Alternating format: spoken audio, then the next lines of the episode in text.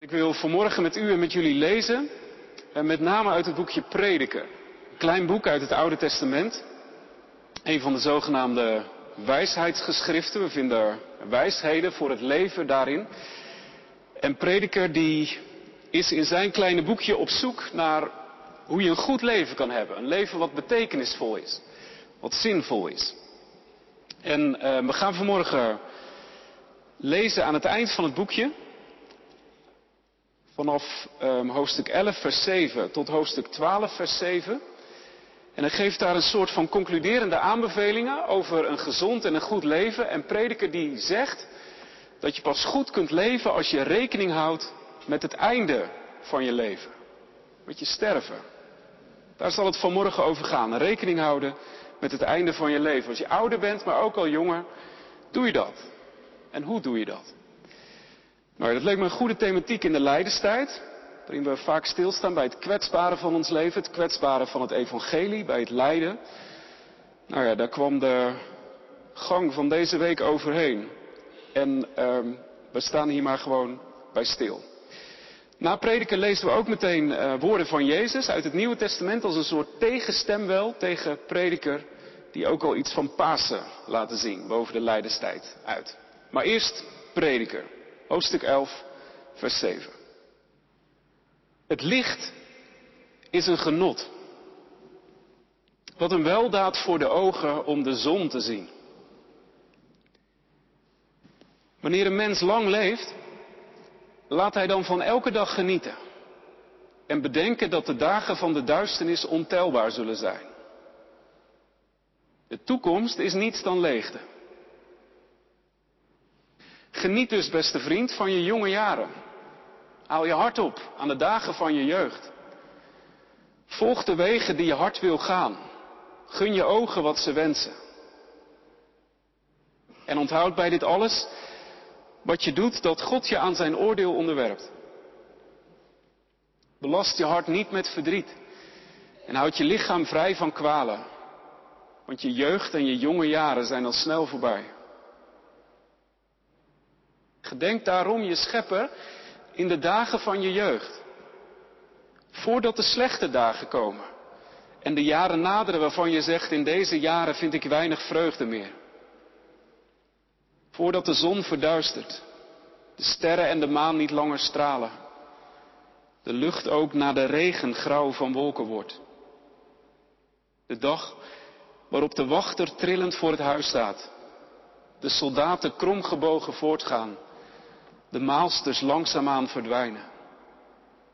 De vrouwen uit het venster staren en een schaduw lijken. Wanneer de deuren naar de straat worden gesloten. De molen geen geluid meer maakt. Het fluiten van de vogels ijl van toon wordt. Wanneer hun lied versterft. Je durft geen heuvel te beklimmen. De weg is vol gevaar. De amandelboom behoudt zijn wintertooi. De sprinkhaan sleept zich voort. De kapperbes droogt uit. Een mens gaat naar zijn eeuwig huis. Een klaagzang vult de straat. Voordat het zilveren koord wordt weggenomen, de gouden lamp gebroken, de waterkruik in stukken valt, het scheprad bij de put wordt stuk gebroken. Wanneer het stof terugkeert naar de aarde, weer wordt zoals het was. Wanneer de adem van het leven weer gaat naar God, die het leven heeft gegeven. Lucht en leegte, zegt prediker. Alles is leegte. Nu de woorden van Jezus. Die lezen we uit Lucas 9. En daarvan vers 18 tot 22. Toen Jezus eens aan het bidden was en alleen de leerlingen bij hem waren, stelde hij hun de vraag, wie zeggen de mensen dat ik ben? Zij antwoorden Johannes de Doper. Anderen zeggen Elia. En weer anderen beweren dat een van de oude profeten is opgestaan. En hij zei tegen hen, en wie ben ik volgens jullie? Petrus antwoordde, de door God gezonde Messias. Hij beval hen op strenge toon tegen niemand te zeggen. Hij zei, de mensenzoon zal veel moeten lijden en door de oudsten, de hoge priesters en de schriftgeleerden worden verworpen en gedood. Maar op de derde dag zal hij uit de dood worden opgewekt. Tot zover. Dit is voor ons vanmorgen het woord van God. En gelukkig de mens die dit woord hoort en ernaar leeft. Amen. Gemeente van Jezus Christus, geliefde broeders en zusters, gasten in ons midden. Je ziet een kind. En dat kind, dat is aan het spelen. Met autootjes. Maakt wegen en files. En het zingt er wat bij. Het heeft veel plezier. De camera die zoomt uit. En er komen nog wat meer kinderen in beeld. Ze zijn ook aan het spelen, jongens en meisjes. Ze spelen samen, zijn aan het voetballen, aan het springtouwen. Ook bij hen veel plezier. En het uitzoomen, dat gaat nog wat door. En er komen nog meer kinderen in beeld. Ouder al, tieners lijken het. Een groepje jongens en een groepje meisjes tegenover elkaar. En je voelt dat de verliefdheid ergens in de lucht hangt. Wat verlegen, maar ook veel lachende gezichten. De camera die zoomt nog verder uit. En ineens zien we het hele beeld. En je schrikt. Want op de achtergrond, de horizon, stof dat opdoemt. Alsof er iets groots aankomt. En de camera die zwenkt naar de lucht, daar. Donkere wolken die zich samenpakken. En een zwenk naar de grond. Die trilt. Vanwege dat wat er aankomt. Een niets ontziende vijand. Die dat vredige tafereel, dat plezier, die onbevangenheid komt verbreken. Dit is zo'n beetje het plaatje wat prediker ons tekent vanmorgen. Hij tekent ons leven. En het is licht daarin. En dat licht is een genot. Het is het begin van je leven. Het is prachtig, zorgeloos. En als je jong bent, dan herken je het. Je speelt, ja, je wordt verliefd, ja, je sport, je krijgt een baan, je hebt vrienden, je ontvangt kinderen. Wat is het leven mooi en je geniet, prachtig, maar tegelijk donker, heel donker. Je wordt ouder, takelt af, je verliest energie, je tanden vallen uit, je zicht wordt minder, je geest vervaagt, je sterft. Zo tekent prediker ons leven. En midden in die tekening klinkt een oproep. Gedenk daarom je schepper in de dagen van je jeugd. Voordat de slechte dagen komen en de jaren naderen waarvan je zegt, in deze jaren vind ik weinig vreugde meer. In die oproep zit iets van, you have to fix the roof when the sun is shining. Je moet het dak repareren als de zon schijnt. Zoek je schepper als het je goed gaat. Anders is het te laat. Zoek je schepper als het licht is. Anders is het donker. En kan je hem niet meer vinden.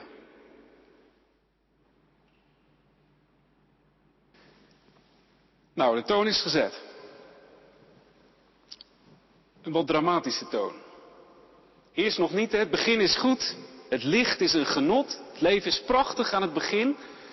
Maar daarboven tekent prediker een donkere wolk. Dat het goede van het leven al bijna helemaal wegdrukt. En hij geeft veel meer plek aan het donkere dan aan het lichte.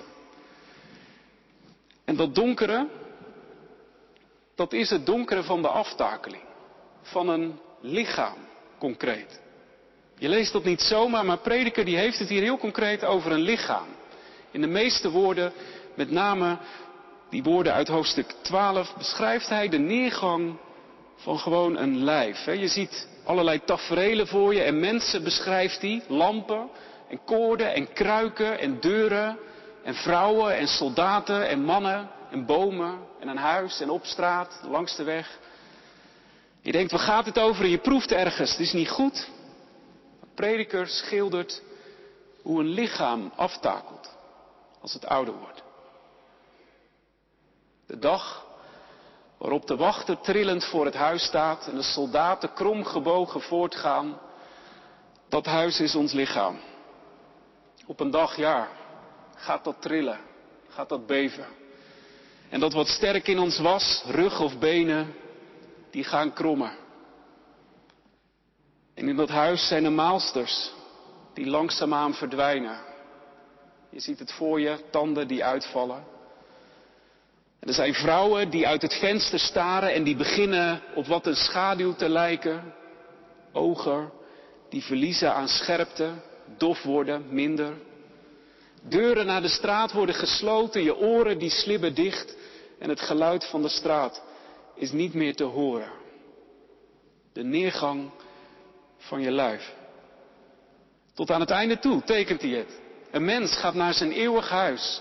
Een klaagzang vult de straat. Een mens gaat naar zijn graf. Voordat het zilverkoord wordt weggenomen, de gouden lam gebroken, de waterkruik in stukken valt, het licht valt, gaat uit, schijnt niets meer. En water, wat leven moet brengen, is er niet meer. De dood. Dat hangt boven ons leven. Zeg prediken dat dit met ons allemaal gaat gebeuren. En ja, dat is wel dramatisch. Maar is het ook niet compleet terecht dat hij dit schrijft?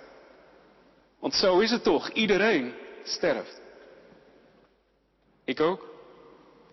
Ik ben nog niet de helft van de gemiddelde levensverwachting hier, maar toch. Ik kan nu nog prima mee met van alles in de wereld, met sporten, met nieuwe ontwikkelingen, noem maar op. Maar ja, over 50 jaar. Dan echt niet meer. Als ik er dan nog ben. En dat lijkt ver weg, ook als je het voor jezelf bedenkt, maar zo ver weg ook weer niet als je bedenkt hoe snel de tijd nu al gaat. En over 100 jaar, dan is een groot deel van ons al vergeten. Niemand zal je meer kennen. Als dominee heb je dan nog de mazzel dat je op allerlei lijstjes staat, maar ja, of dat nou iets bijdraagt.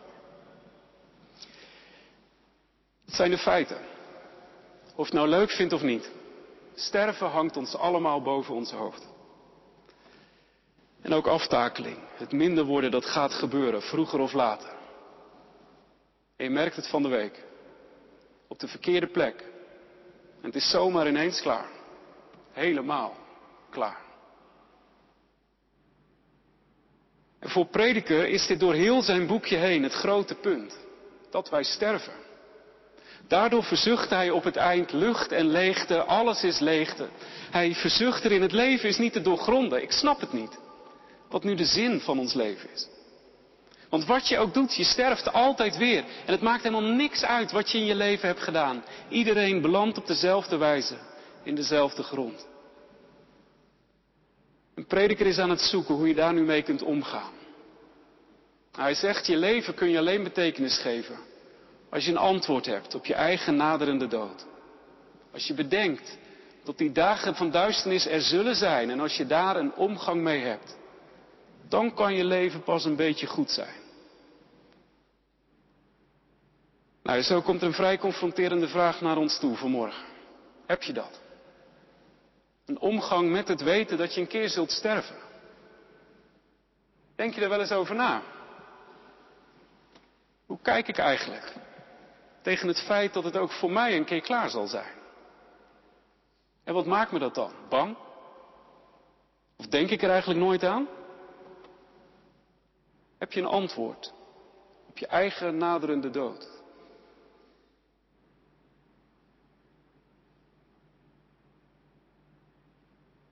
Ja, hoe doe je dat? Nou ja, dat is in, in deze tijd en in onze omgeving flink lastig. Want als we om ons heen kijken, dan zien we dit. Ogen dicht. Of in ieder geval zien we een groot ontkennen van dat het leven ook minder kan gaan worden. Kijk reclames maar na. Daar zien we een groot vechten om de neergang en het ouder worden tegen te houden. Fit en vitaal, daar draait het om. En de neergang, daar gaan we keihard tegenin. En we geloven ook dat het kan. En dat het lukt. Als je je best doet en als je de juiste middelen gebruikt, dan lukt dat, dat gezonde en vitale zoals je nu bent. Iemand schreef, we willen niet geloven dat wij sterven en de reclame-industrie verdeelt miljoenen aan dat geloof. Ogen dicht voor de achteruitgang. En zie dat ook niet in de schaamte die er is in het ouder worden. Als je ouder bent, de grote schroom die je voelt om hulpmiddelen te gebruiken. Om met een rollator te lopen. Ach nee, zo oud ben ik toch nog niet. Nou ja, 80. Grote schroom die we allemaal hebben om te praten over dementie. Of om het te laten zien. Ja, we gaan maar niet meer naar buiten met, met moeder of met oma. Zo ontluisterend. Ja, hij was er niet op die begrafenis. Hij is een beetje, nou ja, u begrijpt wel. En als anderen dat dan allemaal zien. Jezelf tip-top opmaken. Terwijl je helemaal op medicijnen leeft. Of dat doen bij je moeder of bij je oma. Zo is ze nog een beetje toonbaar. Ogen dicht voor de aftakeling. Dat is een eerste reactie in ons. Elkaar ervoor afschermen.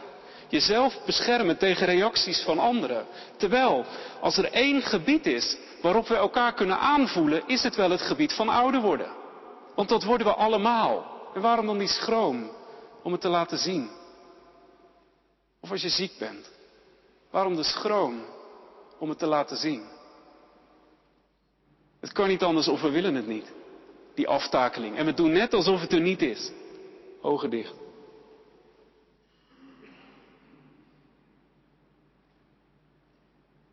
Om nog iets, heel voorzichtig gezegd,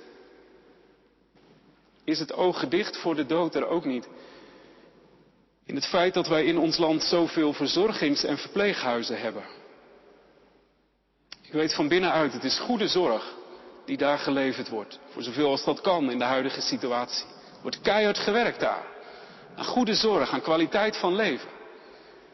En met onze huidige structuur van twee verdieners en het feit dat we niet zomaar in de buurt van onze ouders wonen, zijn het prachtige voorzieningen.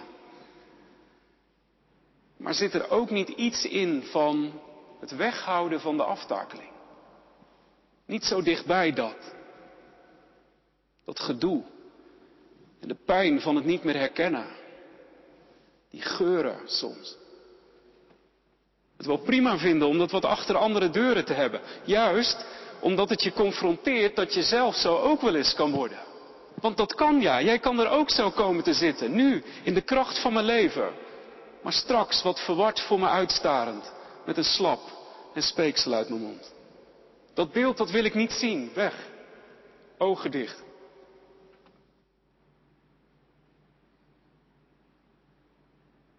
Sprak een keer een geestelijk verzorger van een verpleeghuis. Zijn werk doet met een humanistische achtergrond. En hij zei me, weet je wat me opvalt? dat er zo ontzettend weinig mensen hebben nagedacht over dat ze ook wel eens hier, in het verpleeghuis bedoelde die, dat ze ook wel eens hier terecht zouden kunnen komen. Hij merkte dat in gesprekken met mensen die net binnenkwamen, zowel bij patiënten zelf als bij partners of kinderen. Dat veel mensen amper hebben nagedacht, zei hij, over het lijden waarin ze terechtkomen. Terwijl je toch ziet, zei hij, dat dat boven ons allemaal hangt. Nu of later. Alsof hij prediker citeerde. Ja, in alle eerlijkheid komt er op dit gebied het beeld naar boven van een kind dat naar bed moet. Dat door zijn moeder geroepen wordt. Maar dat ze handen voor zijn ogen en voor zijn oren doet. En zegt, ik zie je niet, ik zie je niet, ik hoor je niet. Zo gaan wij nu om met de dood. Ik zie het niet, ik hoor het niet. Terwijl je het weet. Ontzettend kinderachtig. En dit is niet makkelijke kritiek vanuit de kerk naar de boze wereld buiten. En dat wij lekker achterover gaan zitten en de vingers achter onze bretels en zeggen, wat doen wij het toch goed? Nee. Die wereld, dat zijn wij ook. En daar leven we voluit in. En als we niet oppassen, gaan we voluit mee in dat kinderachtige gedrag. Ogen dicht. Mijn deur gaat het wel voorbij. Nee, dat gaat het niet. En daarvoor, je moet er wat mee. En met het evangelie naast je, je kunt er wat mee. En het is zonde als je er geen omgang mee hebt. Hoe ga jij om? Met het weten dat je een keer zult sterven. Die vraag juist nu. Nu het je goed gaat. Gedenk erom je schepper in de dagen van je jeugd. You have to fix the roof when the sun is shining. Je moet er wat mee met die donkere wolk vandaag. Of je nu in de dagen van je jeugd zit, of je midlife, of 70 plus en nog fit en vitaal. Je moet nu wat met die donkere wolk. En met God. als het echt donker wordt, dan kan het niet meer. Dan komen eerder de verwijten, die God ach. Repareren in de regen wordt vaak een zootje. Daarom de vraag, hoe ga je om met te weten dat je een keer zult sterven?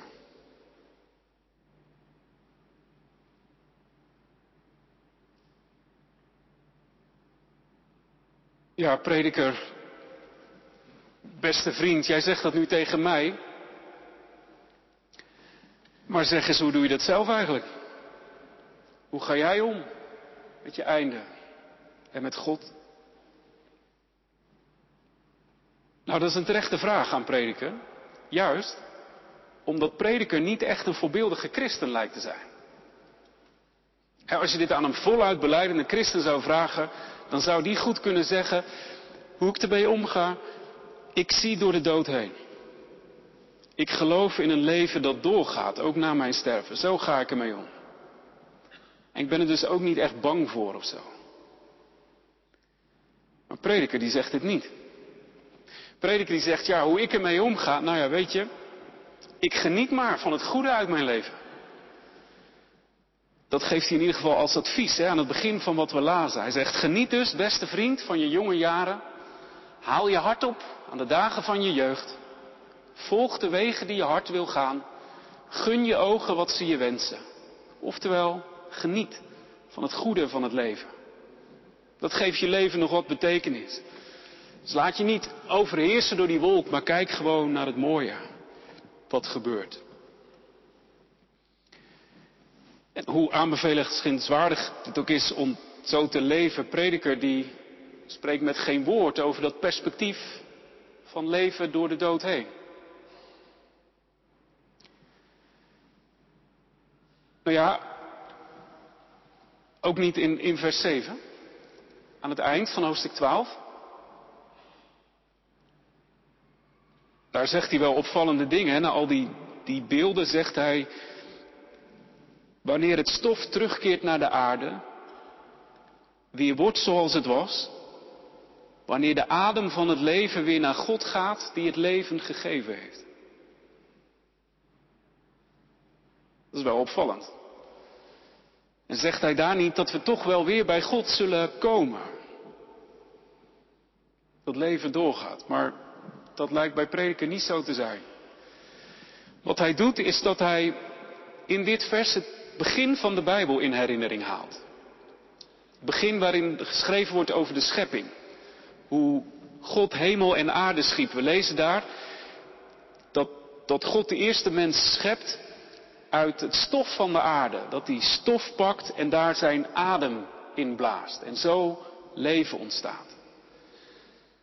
Een prediker neemt ons daarna ook iets verder mee, een hoofdstuk verder, naar de grote geschiedenis tussen de breuk tussen mens en God, rond Adam en Eva. Ze gaan hun eigen gang en God bestraft hen en zegt dan, in het zweet van je aanscheid zul je je brood eten, totdat je naar de aardbodem weerkeert, omdat ge daaruit genomen zijt. Want stof zijt ge en tot stof zult ge weerkeren. Ik denk dat roept prediker in herinnering hier. Maar meer wordt het niet. Enkel en alleen die wat dramatische cirkel van een mens die tot leven komt door God, maar die door zijn eigen zonde, zijn leven zonder God, niet door kan leven, maar sterft. En daar stopt het.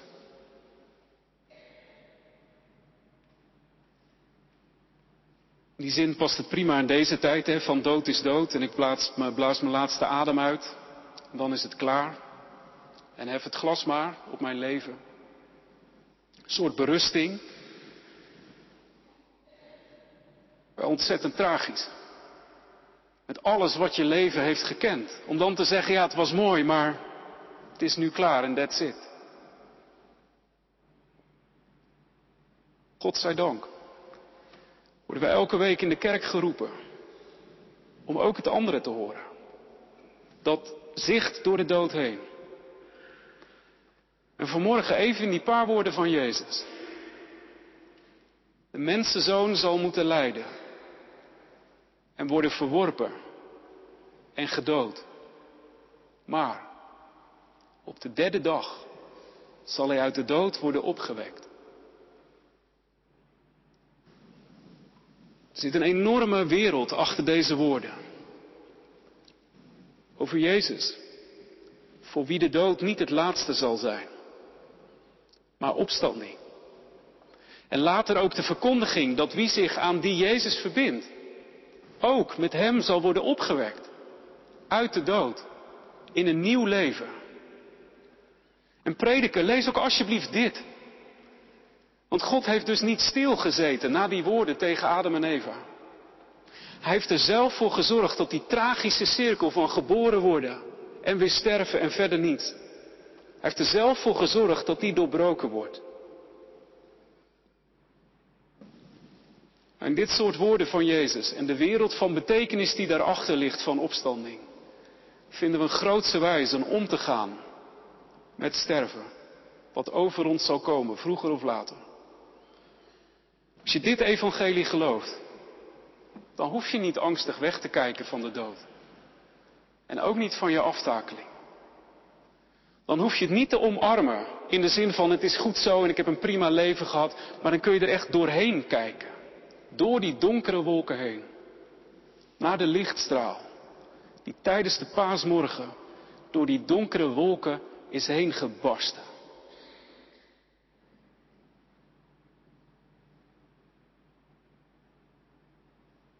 Maar goed, is wel alleen de theorie.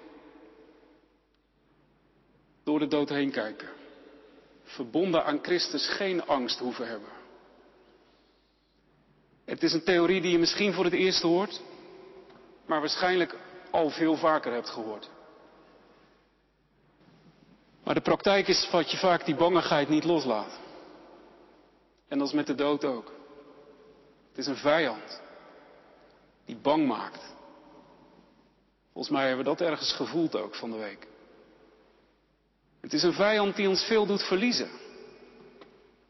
Kostbare relaties met name. Maar ook aan je lichaam. Het kan een lichaam stuk gemaakt worden. En je geest. Wat kan een geest veranderen? En daarom ben je er bang voor, ja. Als je er vlak voor staat, maar ook als je er ver vanaf bent in je jeugd. En daarom sluit je je ogen maar en dit gebeurt voor mij maar niet. Maar als je in geloof verbindt met Jezus Christus, dan ligt er de taak om wel te vertrouwen op dat licht. Om je ogen erop te richten. Dat licht van de opstanding van Christus. Die de zekerheid geeft dat ook wij zullen opstaan. Broeders en zusters, oefen daarin. Daarna te kijken. En juist nu het goed met je gaat, drink in telkens weer wat het betekent dat Jezus de dood heeft overwonnen. Hou je daaraan vast. Veel meer dan aan wat je nu hebt in dit leven en wat je nu hebt aan gezondheid. Daar is ook prima aan vast te houden, maar meer aan Jezus, die dood en aftakeling heeft overwonnen. En als je dat lukt, kijken op dat licht, dan ben je van kind volwassen geworden. Dan word je niet meer in beslag genomen door angst voor wat komen gaat. En dan kan je de confrontatie aan met de aftakeling. Ook als het om je heen staat. Ziende op het licht van de opstanding kan je een dierbare verzorgen die jou niet meer herkent en die alle waardigheid lijkt verloren. Dan kan je zelfs naar een verpleeghuis met al dat gedoe en die geuren. Dan kan je zelfs iemand begraven die je lief was. Dan kan je andere behandelingen aan die je zelf nodig hebt. Dan kan je genieten van dit prachtige leven, ondanks die donkere wolk die boven ons hangt. Als je ziet op Jezus, die dood en aftakeling overwon. Dat God ons de kracht daarvoor geeft. Amen.